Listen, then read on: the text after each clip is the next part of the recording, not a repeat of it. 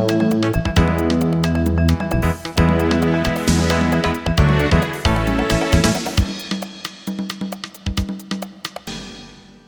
teman-teman semuanya. Kita lanjut nih ke podcast Skill Lab yang episode 2 kemarin yaitu Suka Duka Mahasiswa. Saat ini kita akan membahas yang part 2-nya. Kemarin kita sudah bahas nih tentang sale. Yang pertama ada S itu sendiri yaitu segel, lalu ada assignment. Nah, lanjutannya ini ada L sama E yang L sendiri itu mengenai learn dan E nanti emotion. Oke, gimana nih Miss Tan?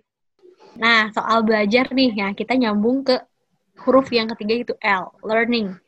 Nah, kalau misalkan ngomongin learning, berarti kita ngomongin tentang uh, pengembangan diri, pengembangan diri kita.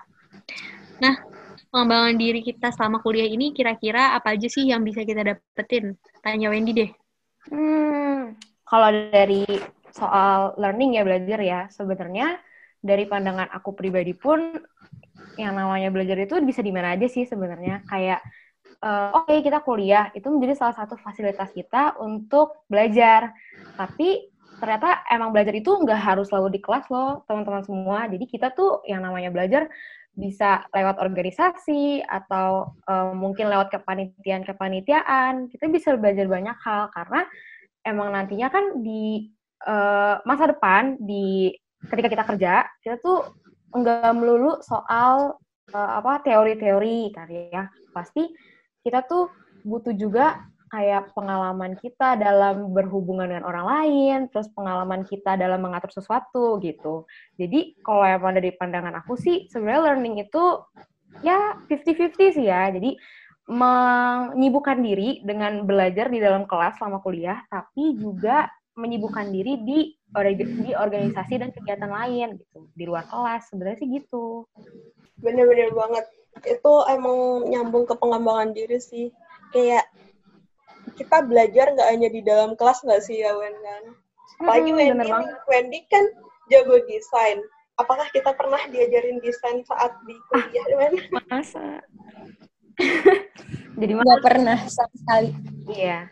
Tapi benar sih kayak contoh, uh, aku emang kebetulan aku tuh juga aktif di organisasi juga kan dan uh, sebenarnya kayak tadi Amel bilang gitu ya, misalnya soal desain. Emang di mata kuliah, apalagi di bisnis digital gitu, sebenarnya kalau spesifik soal bidang desain, ya jelas enggak gitu kan. Kalau masuk desain ya, ya masuknya DKV atau ya sekolah apa eh, FSRD gitu kan ya kalau soal desain. Jadi sebenarnya kayak kalau Amel bilang aku bisa desain, itu pun aku lebih ke autodidak sih sebenarnya kayak belajar sendiri. Terus ditambah juga kayak ada uh, urgensi dari organisasinya gitu. Karena waktu itu aku pernah banget nih pengalaman banget, aku tuh pernah ikut kepanitiaan kan. Terus di kepanitiaan itu entah kenapa aku tuh tiba-tiba ditunjuk eh, buat jadi penanggung jawabnya bagian media. Shock dong karena kan kondisinya ya aku sendiri belum terlalu bisa desain. Terus kayak ya lah gue apa sih uh, kayak unsur-unsur desain terus gimana cara desain juga nggak tahu gitu kan. Tapi karena teman-teman juga udah berasa udahlah ini pasti bisa ini pasti bisa. Jadi gue kayak ya masa aku mengecewakan mereka sih? Ya udah dong akhirnya eh, aku iyain aja tuh. Terus, akhirnya emang dari sana itu menjadi turning point banget uh, setelah kepanitiaan itu tuh. Kayak langsung apa ya ya jiwa seninya bertambah ya. Jadi lebih bisa ini itu gitu kan. Karena emang didorong juga kiri jerumusin gitu sih. Tapi menurut aku tuh emang hal yang sangat amat bagus lah jadi emang soalnya gini sih kayak oke okay, sekarang aku sekolah bisnis tapi di sisi lain aku punya kemampuan untuk desain. Jadi ke depannya untuk karir misalnya ya jadi uh, kalau misalnya aku mau bikin bisnis sendiri pun ya aku bisa misalnya mengatur media sosial bisnis aku sendiri gitu. Jadi emang kalau learning tuh penting banget sih, kayak kita nggak bisa terus-terusan mengandalkan apa yang kita pelajari di kelas gitu, karena ke depannya kita akan membutuhkan sebenarnya itu seluruh aspek gitu. Setuju teman-teman? setuju, setuju, setuju banget. Ada juga nih teman aku tuh dia anak teknik, anak cewek juga nih, mm-hmm. cewek di teknik. Tapi dia itu udah terkenal dengan MC. Dia terkenal banget nge-MC. Jadi kan istilahnya kalau kita fokus di kuliah doang kayak apa sih nyambungnya teknik sama MC gitu kan nggak ada nyambung nyambungnya gitu tapi ternyata dia tuh belajar MC maksudnya dia ikutan MC itu karena ikutan UKM di kampusnya gitu ikutan UKM di kampusnya terus habis gitu ya udah di situ skill MC-nya dia meningkat terus dia ikutan uh, di IO kayak gitu kayak MC apa ya jadi MC di suatu IO jadi dia udah melalang buana lah um, pengalaman-pengalamannya di MC. Berawal dari UKM doang, meningkatkan skill, terus dia sekarang udah terkenal jadi ngem, uh, masih MC, udah MC di mana-mana aja gitu, udah dipercaya untuk jadi MC. Ya, untuk teman-teman juga nih di luar sana yang ngerasa, duh aku kayaknya salah jurusan nih, kayaknya aku bukan di bidangnya di sini. Nggak apa-apa, jalanin aja. Untuk hal yang memang kalian minatin, kalian masih bisa kok upgrade di luar kuliah kalian. Justru ilmu kalian, wawasan kalian akan bertambah gitu. Kayak misalnya um, kalian ada di jurusan uh, teknik industri misal, kalian di teknik industri, kalian ngerti nih uh, ilmu-ilmu di teknik industri, tapi kalian juga uh, mengikuti, mengup, tetap mengupgrade diri di bidang ilmu komunikasi, MC itu tadi kayak gitu. Jadi minat kalian di situ, meskipun kuliahnya ngerasa salah jurusan, tapi kalian tetap nge-upgrade diri, kalian nanti mungkin ke depannya mempunyai banyak pengalaman dan bidang dan wawasan tuh tadi. Jadi jalanin aja yang ada. Jangan sampai yang ke bawah stres, ya kita semua pasti stres ya, apalagi kalau tugas-tugasnya udah nggak sesuai minat kita kan. Bener ya sih, bener. Bener banget. Sebenarnya emang kayak kalau menurut pandangan aku juga ya, kalau misalnya dengan kita menambahkan unsur lain gitu, misalnya kayak tadi sekolah teknik, tapi bisa MC itu menjadi apa ya value juga gitu buat diri kita sendiri kan. Kayak misalnya nih kita uh, belajar bisnis terus kita ternyata mau add value kita nih dengan belajar bahasa misalnya. Itu kan akan sangat amat berguna karena kan depannya yang namanya bisnis pasti akan berhubungan dengan orang-orang. Terus apalagi sekarang kan udah yang globalisasi banget kan. Jadi emang kalau bisa banyak bahasa tuh ya mantep banget lah. Tapi kan minimal minimalnya harus bahasa Inggris. Terus kayak mungkin nanti bahasa Mandarin dan lain-lainnya. Kayak gitu sih sebenarnya kalau emang buat learning. Nah, kita tadi kan udah ngebahas nih tentang schedule, tentang assignment, tentang learning juga. Terakhir kita mau bahas huruf E, yaitu emotion. Nah, kalau di sini nih aku mau nanya sama Mistan deh.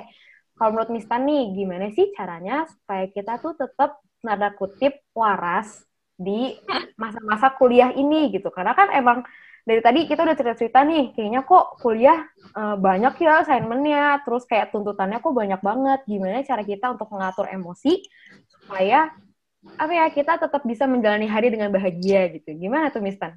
Wow, pertanyaan Wendy super banget ya. Luar biasa ya.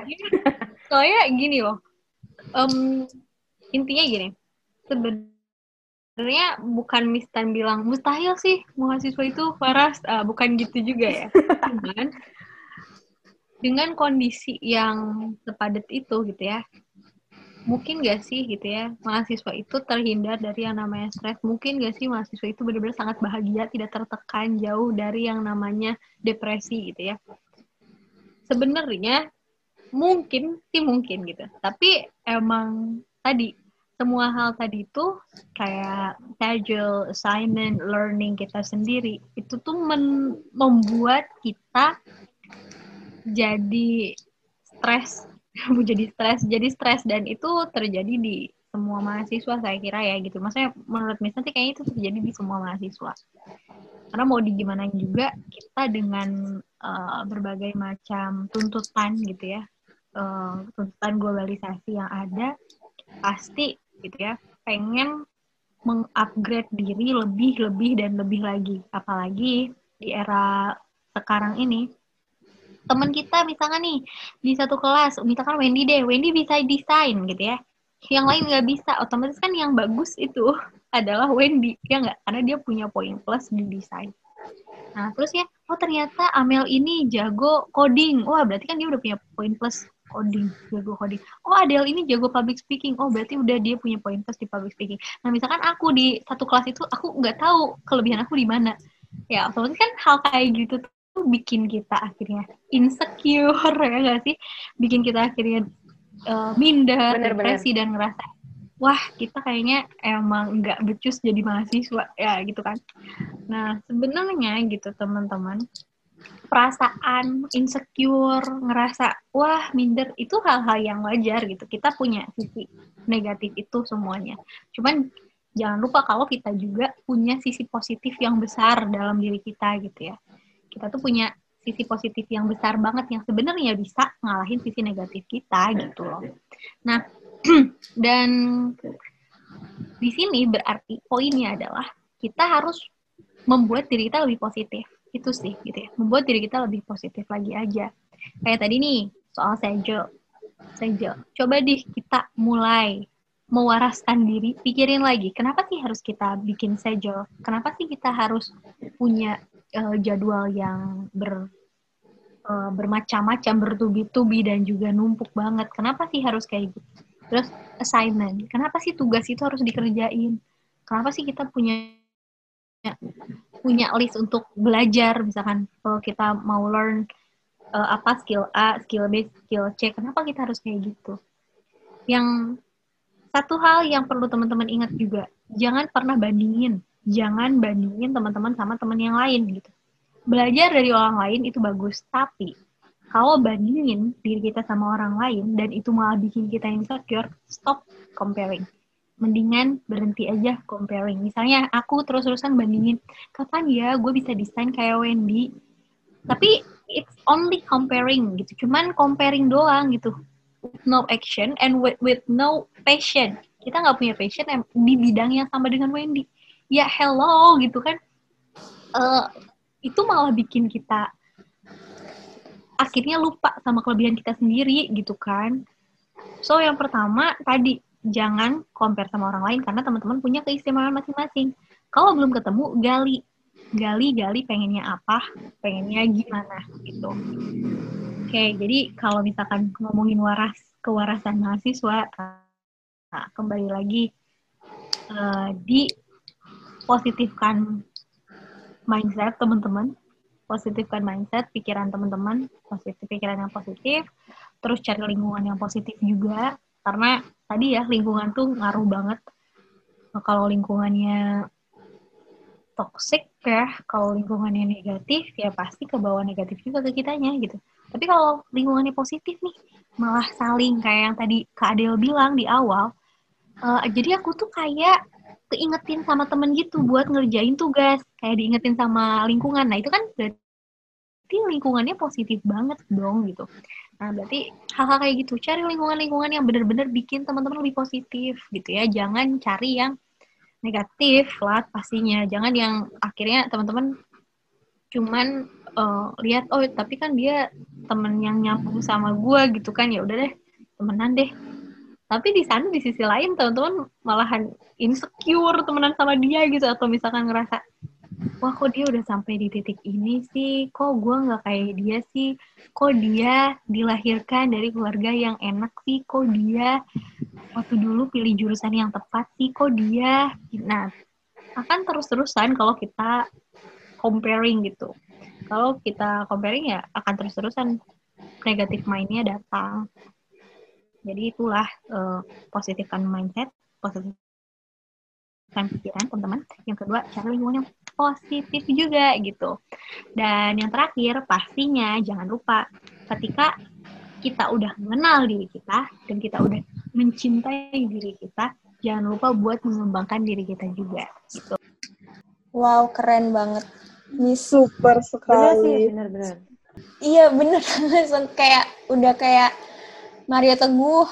Itu satu banget. Tapi tadi itu sebenarnya aku ngomong kan belit-belit ya, by the way karena nervous juga sama kalian. Oh. Dan aku aku merasa teman-teman itu lebih positif daripada aku sebenarnya. Karena gini nih teman-teman, aku tambahin ya. Karena mau digimanain pun juga, gini bagaimanapun juga teman-teman melihat misalkan aku Amel, Adel atau Wendy itu positif banget ya foundernya Skill Lab positif banget. Hey teman-teman jangan salah kita juga kadang stress like we get depressed very often. Mesti kita juga sering banget kena serangan depresi gitu yang kayak wah kok nggak tahu ah udah deh udah kayak kayak mau de de deket-deket detik-detik putus asa tuh iya kok gitu kita juga Cuma kenapa akhirnya bisa bangkit lagi kan berarti karena kita punya eh, landasan yang kuat di pemikiran kita kan. Nah, berarti mempositifkan pikiran itu penting banget. Gitu. Mau lebih Bener positif bergabung dengan skill lab. Wah, kamu sih. ya. Tapi emang iya sih kalau misalnya kayak yang kayak Miss, Miss Tan tadi bilang ya, kayak misalnya pernah nggak sih seorang Wendy merasa depresi? Tentu saja pernah guys, saya juga manusia biasa ya. Jadi kalau Iya, kelihatannya positif-positif aja ya, karena mungkin saya jago kan, jago acting gitu. Jadi nggak kelihatan. Sebenarnya gini sih kalau semua. Iya, kita semua aktris gitu kan. Sebenarnya kalau dari pandangan aku sendiri, kayak gimana sih cara kita biar bisa ngatur emosi ya, itu tuh lebih ke how we deal our problem gitu loh. Jadi kayak misalnya, oke kita depresi, oke kita lagi kita lagi pusing nih kebanyakan tugas gimana-gimana. Nah itu baik lagi ke diri kita sendiri. Kita bisa nggak mengatur diri kita sendiri lah gitu. Karena yang tahu harus ngapain, ya diri kita sendiri juga gitu kan. Jadi semua balik ke diri kita sendiri juga. Kayak gitu lah. Iya betul. Betul banget. Ada kok masa-masa kita selalu mager untuk ngerjain apa pun. Ketika emang itu kita udah di tingkat stres paling tinggi, pasti ada kok kayak, ah udah udah mager banget nih ngerjain apa pun. Nah, itu tuh saatnya em, kayak balik lagi ke diri kita. Yang tadi Adel bilang juga, balik lagi ke me time lagi. Nanti sekiranya kita udah ngerasa ke charge lagi energi kita, kita udah, ayo semangat lagi yuk, balik lagi yuk, gitu masih banyak nih kita masa depan kita mau kayak gimana. Apalagi udah usia-usia kita menuju dewasa kan, banyak yang kita pikirkan tuh pasti stresnya minta ampun sih. Udah tua. Enggak sih. Wendy kenapa langsung ketua sih, Wen? Kita masih tahu aku tuh Jangan ngomongin itu lah. tetap berasanya tuh gimana gitu kan. Kayak Wen masih kayak S1, udah Wen. kok gue udah Belum kepala dua aja gitu loh. Oh iya benar-benar. S1 kok Wen Jiwa masih harus muda kuat. kok. Wen, Wen skill lab masih panjang.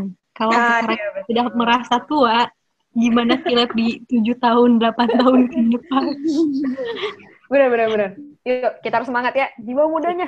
Eh, Oke, Tante Wendy. Untuk menambah semangat lagi nih teman-teman, aku ada gamesnya di akhir. Wow. Kayak lebih seru. Wow, apa Karena tadi, karena tadi udah serius-serius kan kita.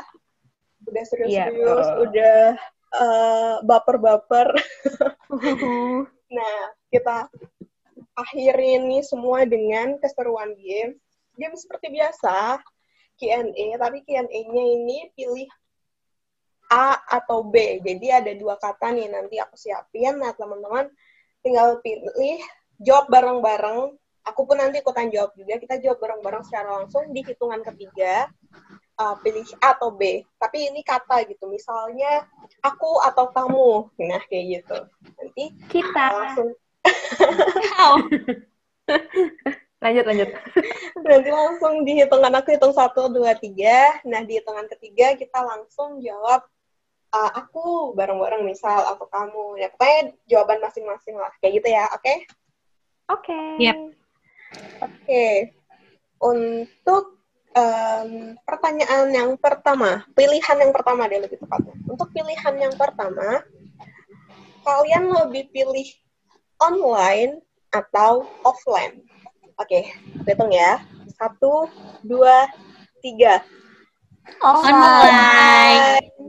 Offline. Online. offline Miss Tan pilih online. Apa? Anak digital sekali Miss Tan Apa?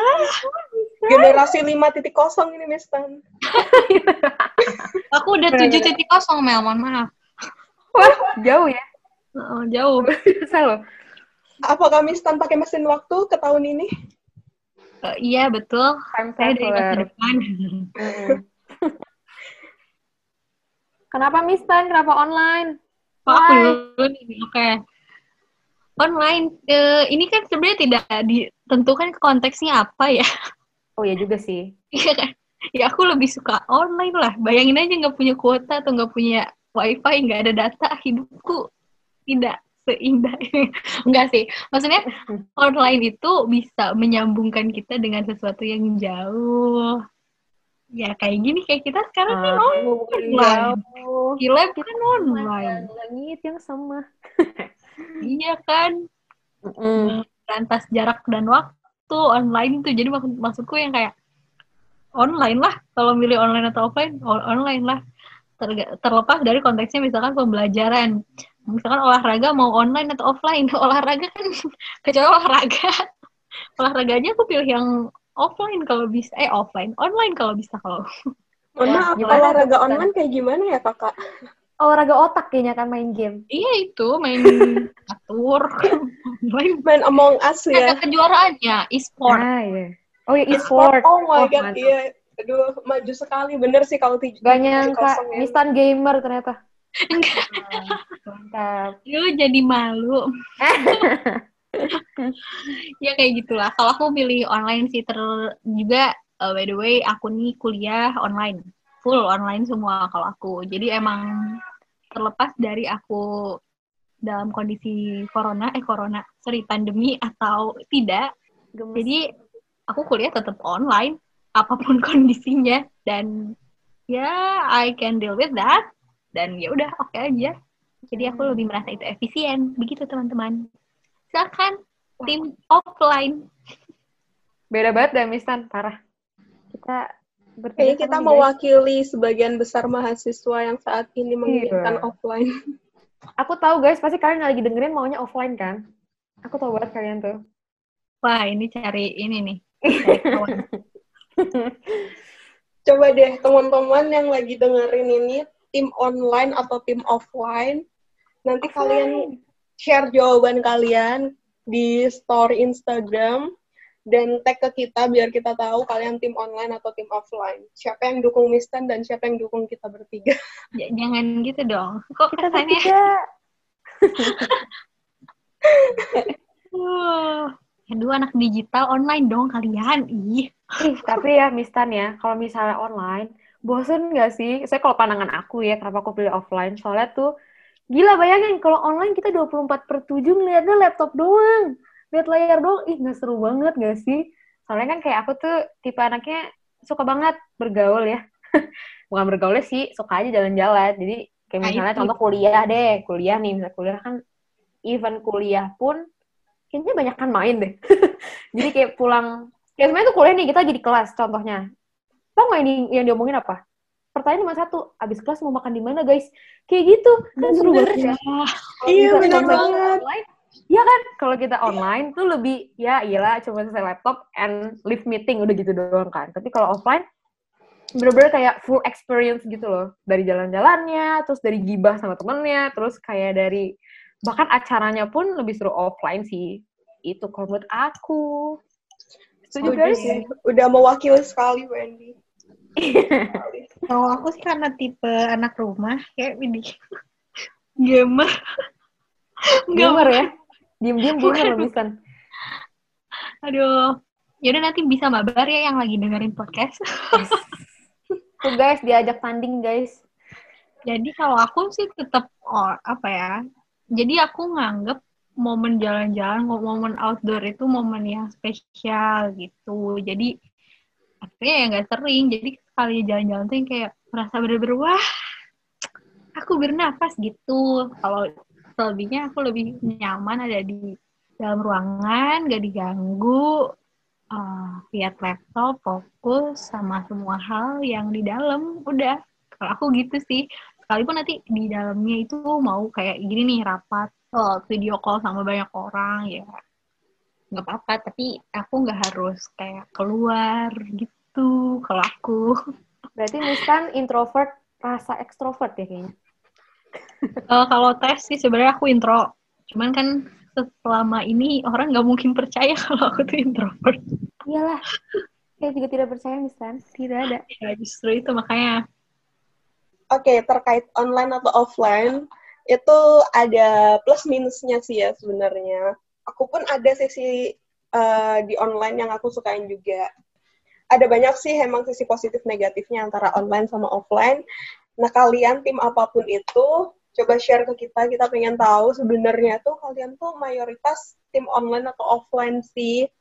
Dan juga suka duka kalian sebagai mahasiswa kayak gimana, sharing juga ke kita. Kita pengen tahu nih cerita kalian juga. Kalian bisa ceritain secara singkat di story, terus tag skillab.id.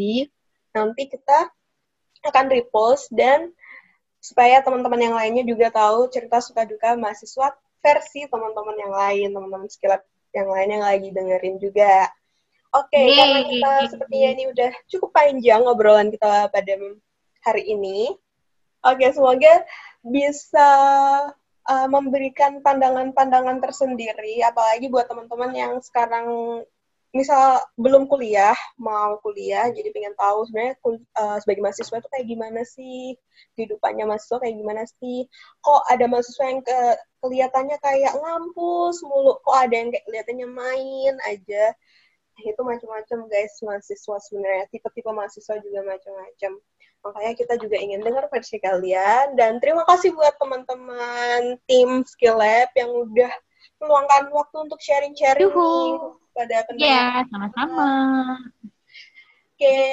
see you guys di episode selanjutnya. Kalian bisa request ke kita mau episode selanjutnya tentang apa. Kasih ide juga ke kita. Nanti kita akan memberikan podcast yang lebih seru lagi ke depannya. Terima kasih. Dadah. Oh ya, terakhir penutupan dari kita. Grow your skill with Lab.